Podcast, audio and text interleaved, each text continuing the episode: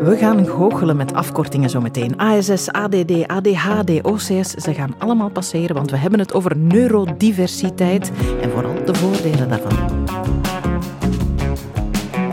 Voorproevers. Annelies Mons.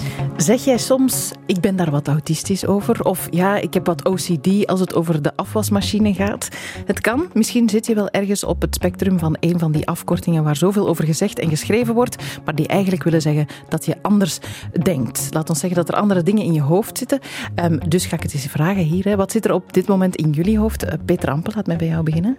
Uh, in mijn hoofd twee dingen. Uh, eerst een gevoel van dat ik blij ben dat ik hier ben. Mm -hmm. Maar dat ik toch wel liever eigenlijk thuis had gezeten, op, op, mijn eentje. Uh, luisteren naar het programma in plaats van er zelf in te zijn. Mm -hmm. En het tweede was een gedachte van... Uh, ik moet nog proberen een, een, slimme quote of citaat te vinden. En dat is zo'n beetje mijn, ja, mijn oog voor detailperfectionisten. Zo van, het is, het is nooit goed genoeg, het kan nog altijd uh, een tikkeltje beter. Ja. Emilie Ramantu, wat zit er bij jou? Ik uh, heb altijd een beetje een, een, verlangen naar compleetheid, dus ik heb toch voor de zekerheid ons eigen boek nog eens geraadpleegd en doorbladerd vandaag. Voorproevers. Radio 1.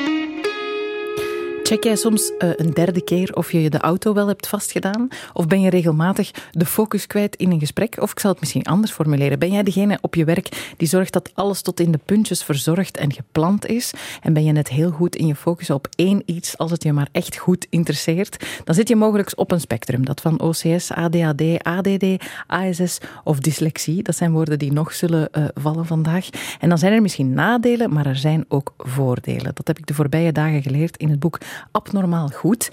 Peter Ampe en Emilie Ramant, nog eens goedenavond. Het ging net over uh, wat er in um, jullie hoofd uh, zit. En normaal ben ik niet zo direct, maar mag ik vragen op welk spectrum jullie je ergens bevinden en waar? Ik heb geen diagnose, maar uh, ik heb wel een aantal online testen gedaan. Um, en er is toch een zwaar vermoeden of een zekerheid dat ik uh, op, op het autisme spectrumstoornis zit. En ook ADHD is mij niet, niet vreemd. Dus uh, wellicht nog een paar andere dingen, maar, uh, maar dat is zo hoofd is ASS en dan ADHD. Ja, en Emily, bij jou?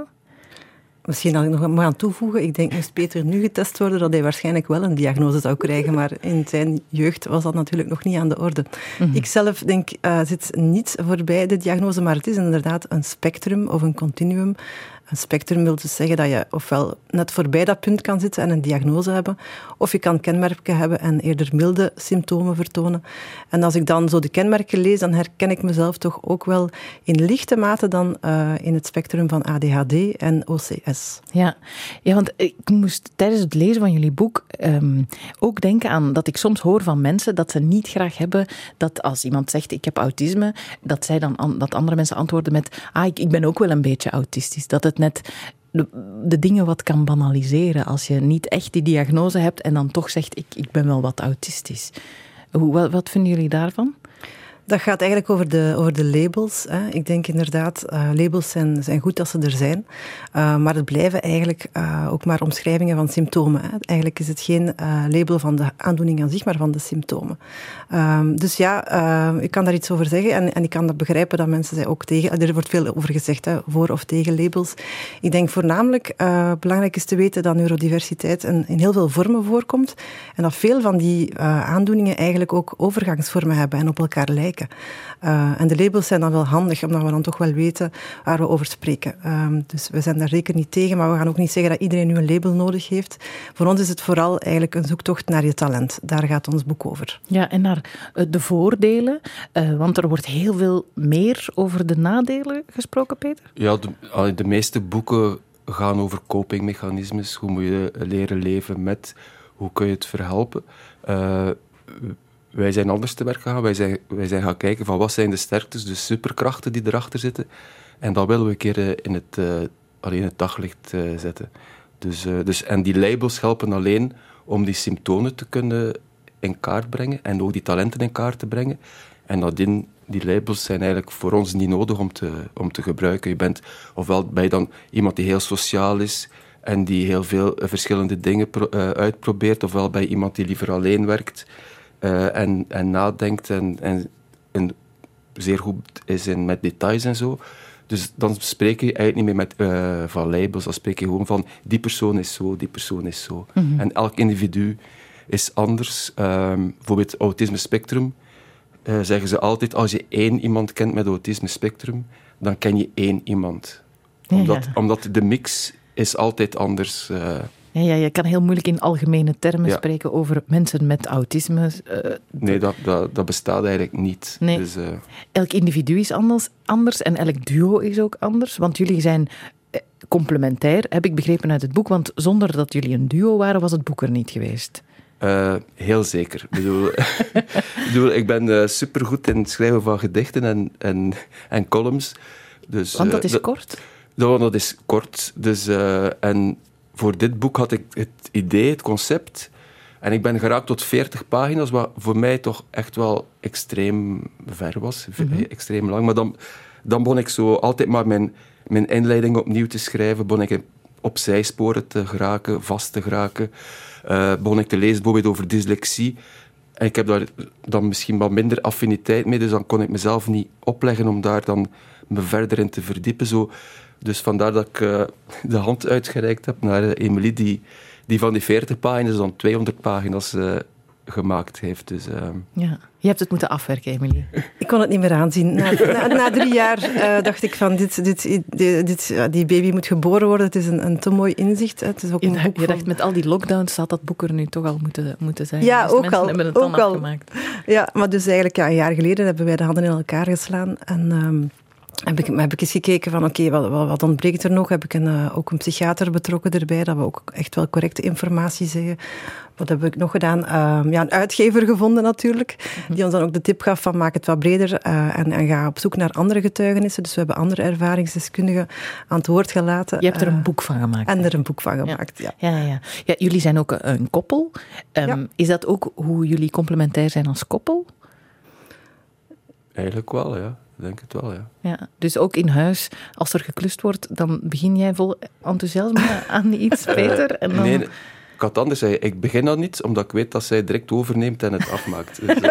Dus, als er iets moet gebeuren, dan moet je maar 1% dus ja, voilà. doen. Makkelijk, hè?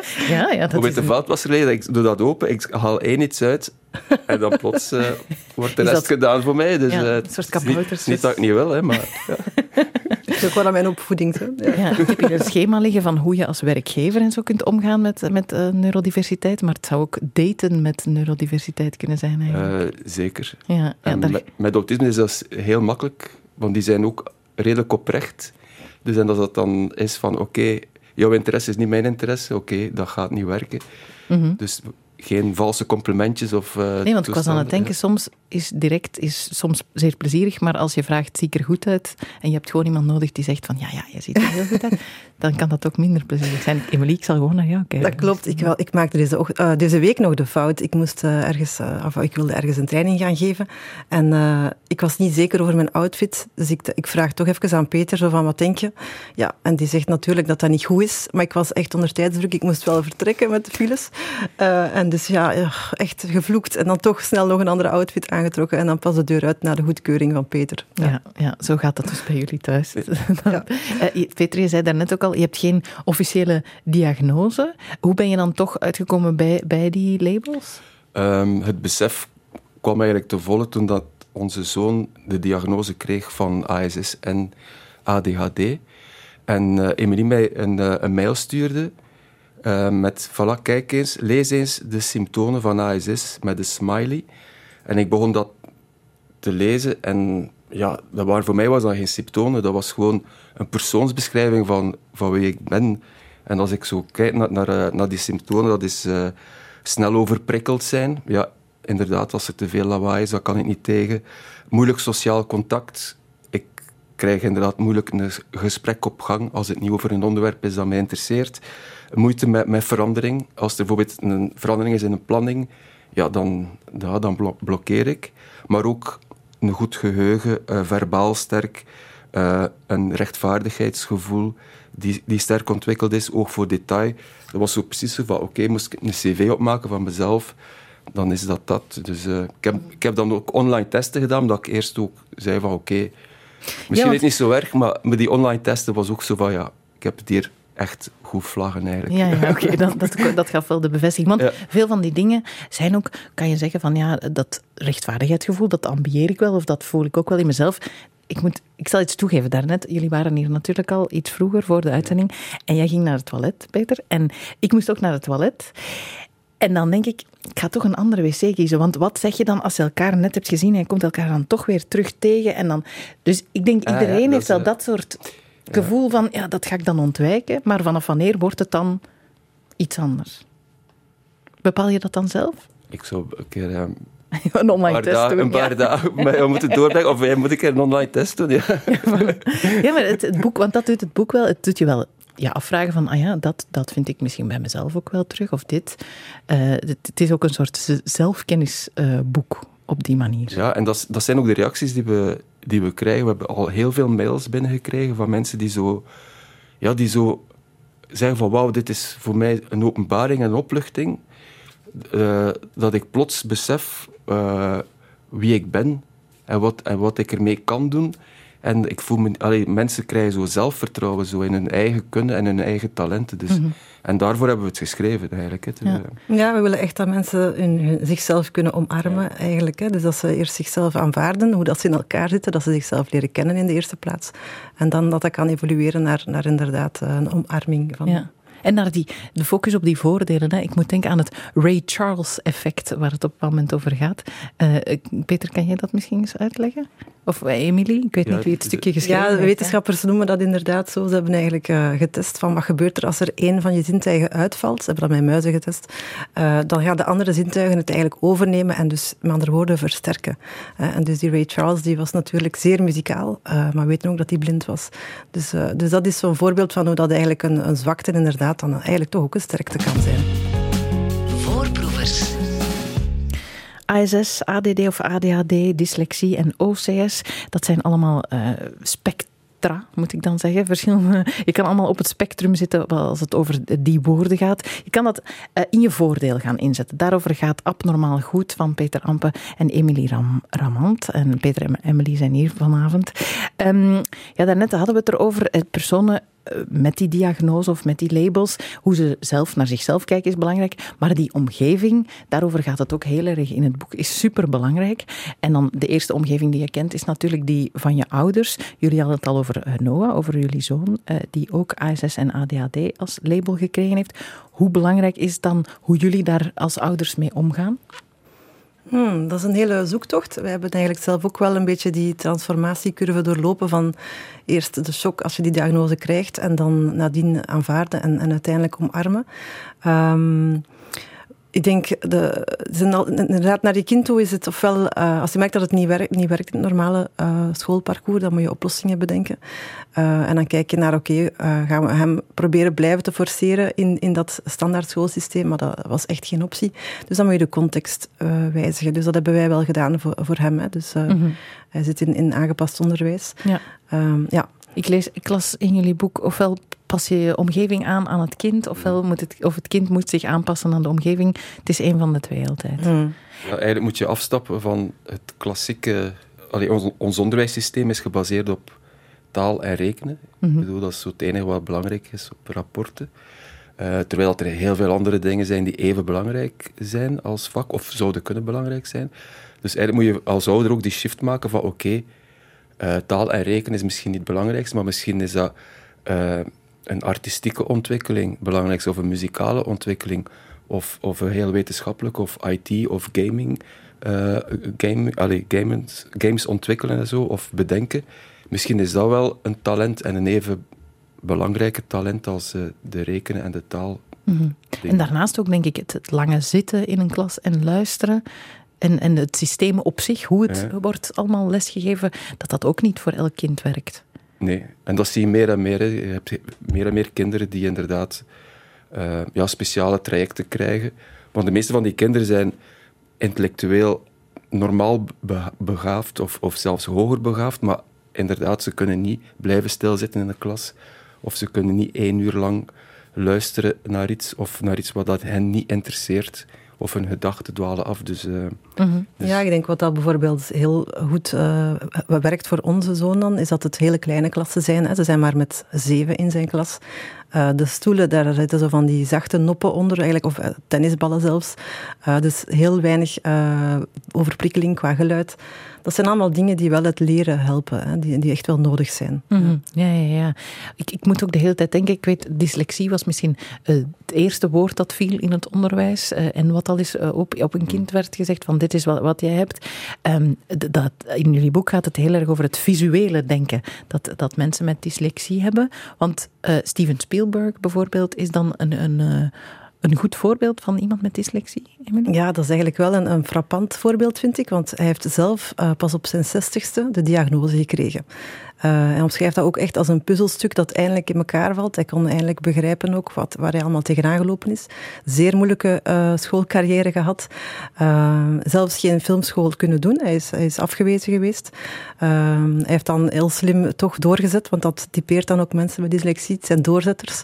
en hij heeft dan een, een film zelf gemaakt. het was een heel korte film en dan heeft hij een leeg kantoor gehuurd en, en, en zo is de bal beginnen rollen, een festival gewonnen. En, voilà. en, en eigenlijk zijn grote talent talent is inderdaad zijn beeldende creativiteit. Hè. Hij heeft eigenlijk de, de special effects laten tot ontwikkeling komen. Hè. Als je denkt aan ja, zijn kaskrakers, uh, dat was altijd wel... Ja, was zijn eerste film, Jaws, maar dat toont al goed ook dat de omgeving goed moet zitten.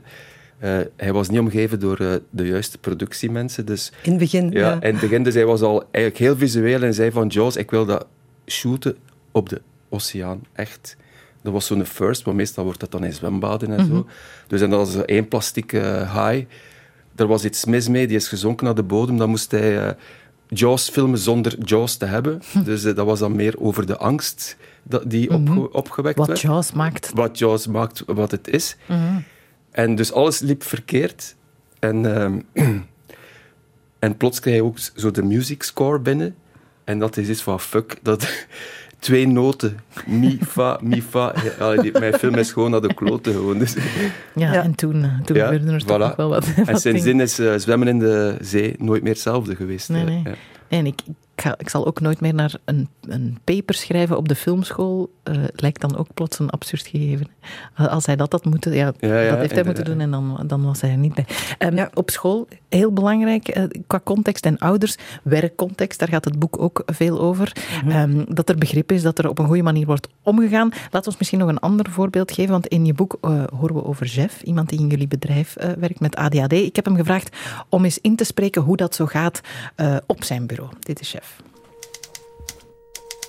Elke prikkel krijgt aandacht. Wat er ook voor zorgt dat op het moment dat ik mij op iets aan het focussen ben, zoals op het werk, ergens uh, aan mijn bureau een mail zit te typen en ik hoor drie bureaus verder iemand, uh, een collega, praten over de serie die ze de dag daarvoor heeft gezien. Dat ik switch naar, amai, die serie is mega de max. Trouwens, heb je ook al deze serie gezien? Om dan in mijn hoofd opnieuw de prikkel binnen te krijgen van, doet, je waart die mail aan typen. Dan kijk ik terug naar mijn scherm, zie ik in de boven ook dat ik een andere mail heb binnengekregen. Klik ik die open, bedenk ik mij, door wat ik lees in die mail, ineens dat ik nog een ander ding ging doen. Wat ik moest vertellen tegen een collega. Terwijl ik bij die collega aankom, heb ik onderweg naar daar ergens op een bureau iets zien liggen, wat dat mij dan weer doet denken aan het feit dat ik nog geen lunch heb gehad. Dus ik vraag eerst aan twee andere collega's of dat zij mee lunch willen gaan halen. En zo zorgt het ervoor dat eigenlijk mijn dag een aaneenschakeling is van oh my god, dat moet ik nog doen, momenten op het werk. Dat is inderdaad Jeff. en als ze aan mij vragen, uh, we moeten een brainstorm organiseren, wie moet ik daar allemaal inzetten? Dan zeg ik altijd, alleen Jeff, want die, die, heeft maar zijn eigen nodig om te brainstormen ja. eigenlijk. Ja, ja, dat zei je zelf ook. Wat ik moet zeggen, hij had eigenlijk vijf minuten doorgestuurd. Ja, ja dat kan ik, me, kan ik me voorstellen. Ja. En, en hij zei ook, ja, dan, dan moet ik mezelf wat tegenhouden dat ik niet al begin te brainstormen voor er een soort startschot is ja, gegeven. Ja, ja. Want het, uh, het is zijn sterkte dan om fantastisch te kunnen brainstormen, maar je moet als collega's uh, ook wel om kunnen met, met chef naast jou. Ik, zijn jullie een goed duo dan? Uh, wij zijn een goed duo, omdat allee, ik met mijn ASS, die, allee, die dominant is, en hij met zijn ADHD, ja, dat klikt zo. Uh, bedoel, en, we kunnen, en we kunnen ook open, en dat is ook belangrijk op de werkvloer, dat je ook open kunt zeggen van, ik ben iemand, bijvoorbeeld Jeff weet dat ik niet uh, op feestjes blijf, dat ik na één glas gewoon ervan ondermuis. Als je dat allemaal zegt en als die andere dat weet, mm -hmm. ja, dan, dan uh, ga je daar normaal mee om. Um, bijvoorbeeld iemand met ADHD die, die gewoon... Ja, die, je denkt dat ze niet opletten, Maar als je weet dat dat iemand is met ADHD, dat ze gedachten gewoon heel de tijd weg en weer gaan, dan is dat geen teken van disrespect omdat hij niet luistert. Dat is gewoon omdat hij ADHD heeft. Dus als je dat allemaal weet, Mhm. kun je veel beter met elkaar werken. Dus, ehm, Ja, ja, ja. Ja, je bent ook een ideeënman. En eh, Ja. als jij een idee wil verkopen, dan ga je ook direct zeggen: Hé hey Jeff. En Jeff is een tafelspringer, dus die, die, voor hem is dat dan heel fijn om, dat, om de klant te kunnen gaan overtuigen. ja, ik ben zo meer introvert, denken op mijn eentje. Maar ik ben zo... allee, als ik naar een klant moet, voor mij is dat een, een drempel dat ik moet overwinnen. Jeff, doe niet liever dan Ja, ja, ja. bij klanten zijn. Dus dat is fantastisch. Ja, want ik ging zeggen, in de reclamewereld, dan verwacht je wel vooral de cheffen van de wereld ja. en de tafelspringers die eh, wel naar de feestjes willen gaan en eh, met, met klanten het, de bloemetjes buiten zetten. Ja. En dus, Nee, eh, ik ben dat niet. nee, nee, maar het is, het is complementair. Ja, dat het is is, dat complementair, ja. ik heb Ja. hier zo een schema uit jullie boek eh, afgeprint, Ja. ehm, wa- waar, waaruit blijkt van, ik zal ADHD'ers dan eens bijpakken, de sterkte van ADHD, het zijn starters, multitaskers en ze zijn ondernemend, maar dan heb je, als je starters hebt, heb je afwerkers nodig. Ja. Daar komt het eigenlijk op neer. Ehm, eh, eh, hoeveel werk hebben we nog op de gemiddelde werkvloer, denken jullie? Ik denk dat we net beginnen, niet? Ja, Ja, ik denk het ook. Ik denk dat er eh, op de werkvloer toch nog wel wat stigma op zit, dat het niet zomaar eh, besproken wordt. Veel mensen hebben misschien ook eh, schaamte om dat toe te geven. Ehm, wat jammer is, eh, want er zijn zoveel talenten die dan niet tot uiting komen. Ehm, ja, wij, als wij, van wat wij tot nu toe hebben begrepen, is het een thema dat, dat nog veel te weinig besproken wordt. Eh, en wat eigenlijk wel eh, gemiste kansen zijn. Ehm, wij geloven toch wel eh, dat er inderdaad heel veel nieuwe ideeën kunnen komen van de neurodiverse mensen op de wereld. Ja, en vooral met door de juiste constellatie samen te zetten. Want allee, ik denk dat iedereen het al voor gehad heeft die bij verschillende werkgevers gewerkt heeft. Dat je zegt van oké, ik met ik heb altijd hetzelfde talent en toch in een bepaalde constellatie bij een bepaald bureau komt er daar gewone dingen uit en dan in een andere constellatie bij een ander bureau is het zo bam, is, het, eh, is vuurwerk. Maar dat is gewoon door, je, door de mensen rond je. Ik bedoel, eh, als je allemaal mensen met ADHD samenzet, gaat er veel eh, weg en weer gedacht worden, maar gaat er niks uitgevoerd worden. Dus, dus je moet de juiste constellatie hebben. En is dat dan wat jullie doen binnen het bedrijf? Dat jullie daar hard op letten van wie zetten we hier samen? Wij binnen, waar ik werk bij Famous Grey, zijn wij al veel opener over, over het communiceren van hoe we zijn mentaal.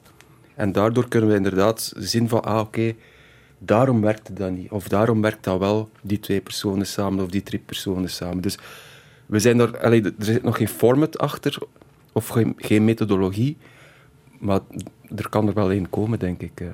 Ik, ik daarentegen, ik werk daar inderdaad wel specifieker op, want ik ben eigenlijk bedrijfscoach. Uh, en ik werk op inclusie en diversiteit. Dus, uh, dus wij leren inderdaad bedrijven hoe ze kunnen iedereen aan bod laten komen in meetings. Uh, dat er op een andere manier beslissingen genomen worden. Mm -hmm.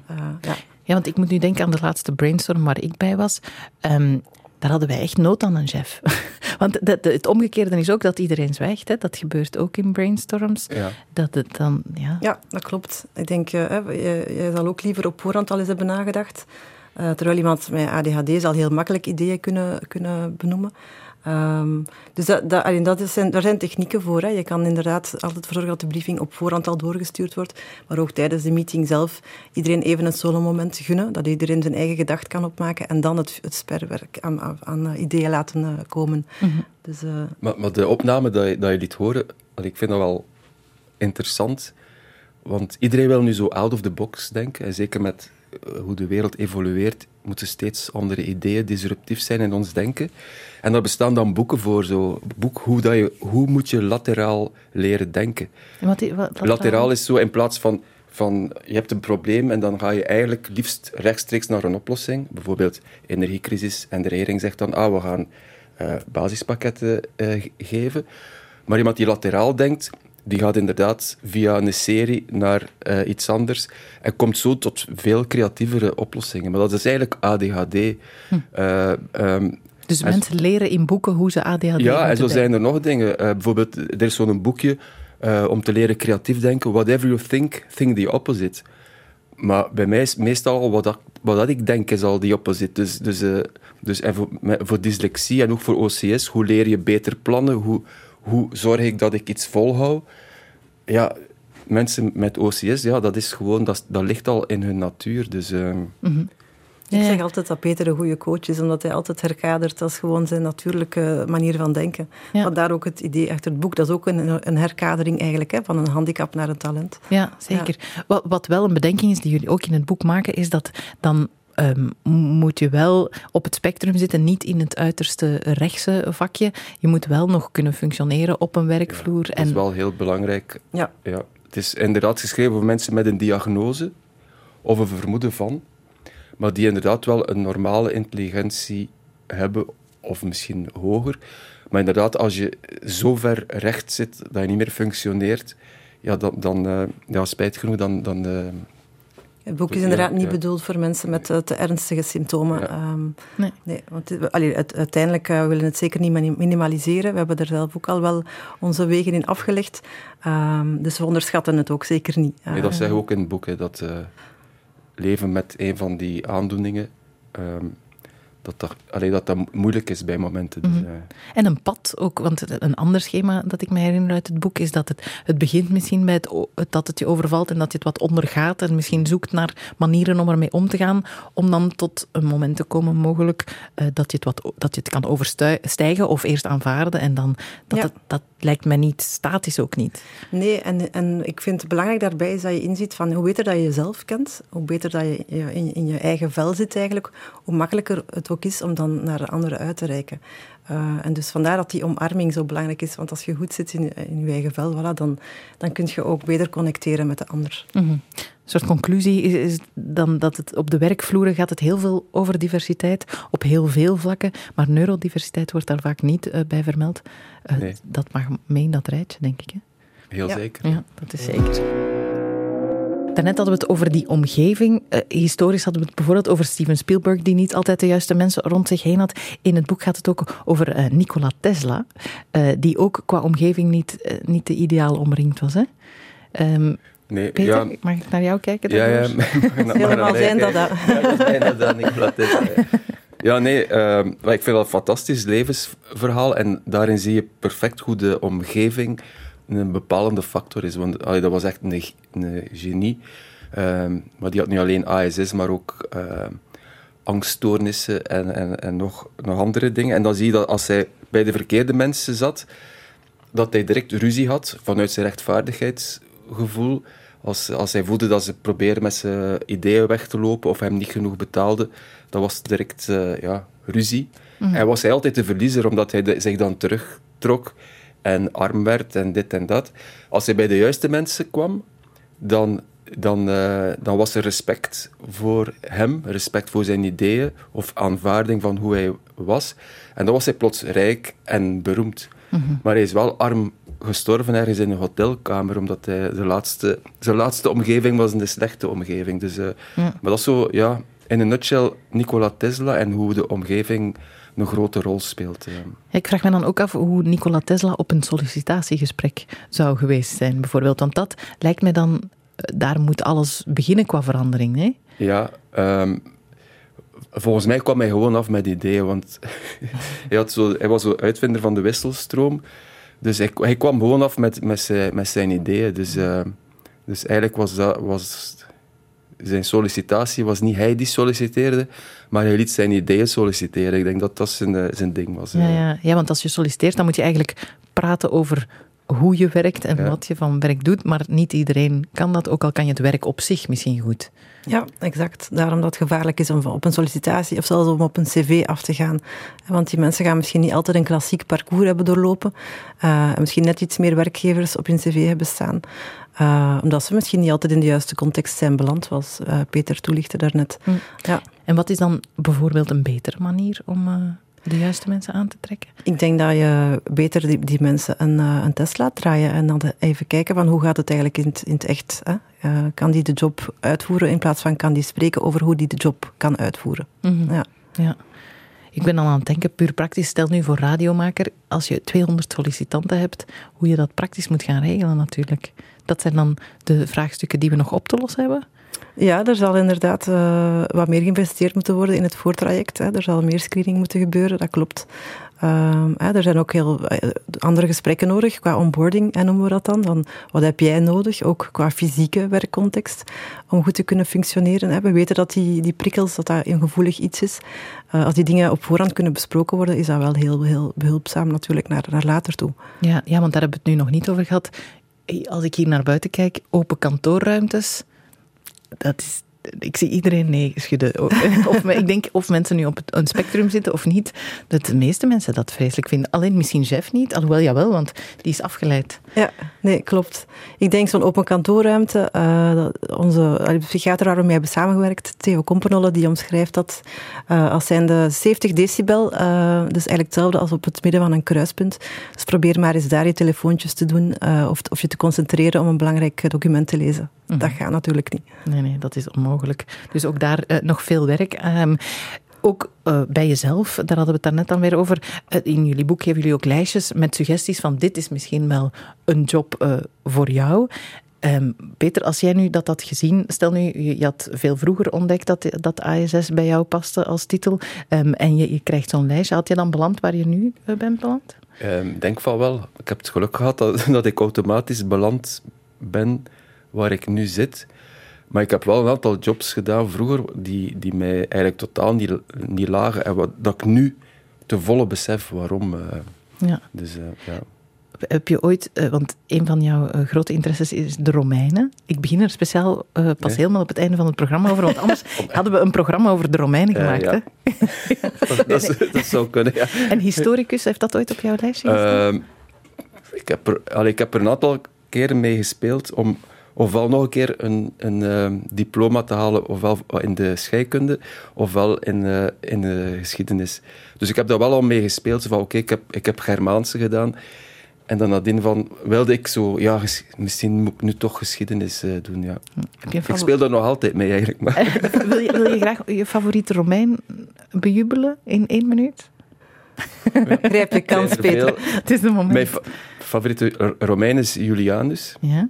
Dat is Julianus de Afvallige, wordt hij genoemd. En dat is eigenlijk de laatste Romeinse keizer die geprobeerd heeft om, om, uh, ja, om het heidense weer uh, in, ja, in leven te brengen. Ik bedoel, er was toen al, het katholicisme was toen eigenlijk al de staatsgodsdienst sinds 330 na onze tijdrekening. En in 361 is hij aan het bewind gekomen, heeft hij nog een keer gepoogd om godsdienstvrijheid te hebben. Maar, maar ja, katholicisme was toen al te sterk ingeworteld, dus daar, daar is hij neergeslaagd. Dus, hm. En dat is waarom hij jou fascineert? Ja, ook zijn persoon is zo'n zo mysterieus persoon. Zo, hij, was, hij, was, heel filosofisch, die schreef ook pamfletten, uh, gedichten. Die had zo, ja... Ja, die, het was gewoon, ja, ik weet niet en ja, fascineert mij. Ik kan dat niet verklaren waarom eigenlijk. Ik, ik, hoor bijna een volgende boek dat jij gaat beginnen, dat dan 40 pagina's Er zijn al veel boeken over Julianus geschreven. Dat zal dus- toch zonder mij zijn? Ja. ik dacht, Emily, dan moet jij het weer gaan afmaken. maar in tussentijd is er uh, abnormaal goed. Uh, Peter Amber en Emilie Ramant, dankjewel om hier te zijn. Uh, en abnormaal goed, ik ga nog eens de titel zeggen, waar mensen zichzelf zullen misschien leren kennen. of tenminste beter leren kennen hoe ze met hun omgeving kunnen omgaan. Andersom Zie, kijk, nu ben ik verwacht. Hoe ze hun talent kunnen ontdekken via hun afwijking. Voilà. En hoe de omgeving dan met dat talent kan omgaan. En een klein beetje ook over de Romeinen. Hè. Dat is de interesse van Peter Ampe. Dat is eigen aan ASS. Zo kunnen opgaan in iets zo hard dat hij elke dag drie jokers krijgt die hij kan inzetten per uh, keer dat hij iets over de Romeinen wil zeggen. Hè. Allemaal te lezen in dat boek Abnormaal Goed. Voorproevers. Je luisterde naar Voorproevers, een podcast van Radio 1 met elke dag een waar verhaal uit de mond van een interessante gast. Al onze afleveringen zijn te beluisteren via de app van VRT Max. Voorproevers.